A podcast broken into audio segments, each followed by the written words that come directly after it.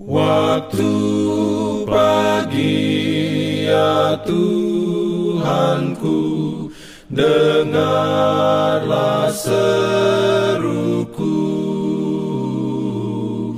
Melayang doa yang sungguh Memandang padamu Selamat pagi pendengar Radio Advent Suara Pengharapan. Mari mendengarkan suara Tuhan melalui tulisan pena inspirasi Agama yang bersinar. Renungan harian 2 Juli. Dengan judul Dia mengaruniakan rohnya atas hambanya.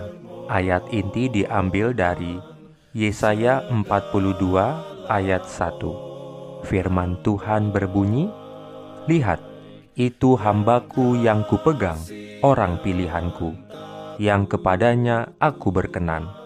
Aku telah menaruh rohku ke atasnya, supaya ia menyatakan hukum kepada bangsa-bangsa. Diberikannya perlindungan dalam pimpinannya. Urayanya sebagai berikut kepada Yesus yang mengosongkan dirinya untuk keselamatan umat manusia yang sesat, Roh Kudus diberikan tanpa ukuran. Jadi, itu akan diberikan kepada setiap pengikut Kristus apabila segenap hati diserahkan untuk ditempatinya. Tuhan kita sendiri telah memberikan perintah, "Hendaklah kamu penuh dengan Roh," dan perintah ini adalah juga suatu janji dari kegenapannya. Itu adalah kesenangan yang baik dari Bapa bahwa di dalam Kristus seluruh kepenuhan Allah berkenan diam di dalam Dia dan kamu telah dipenuhi di dalam Dia.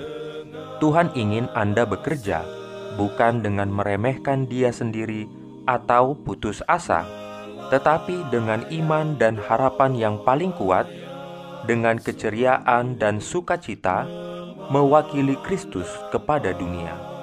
Agama Yesus adalah sukacita, damai sejahtera, dan kebahagiaan.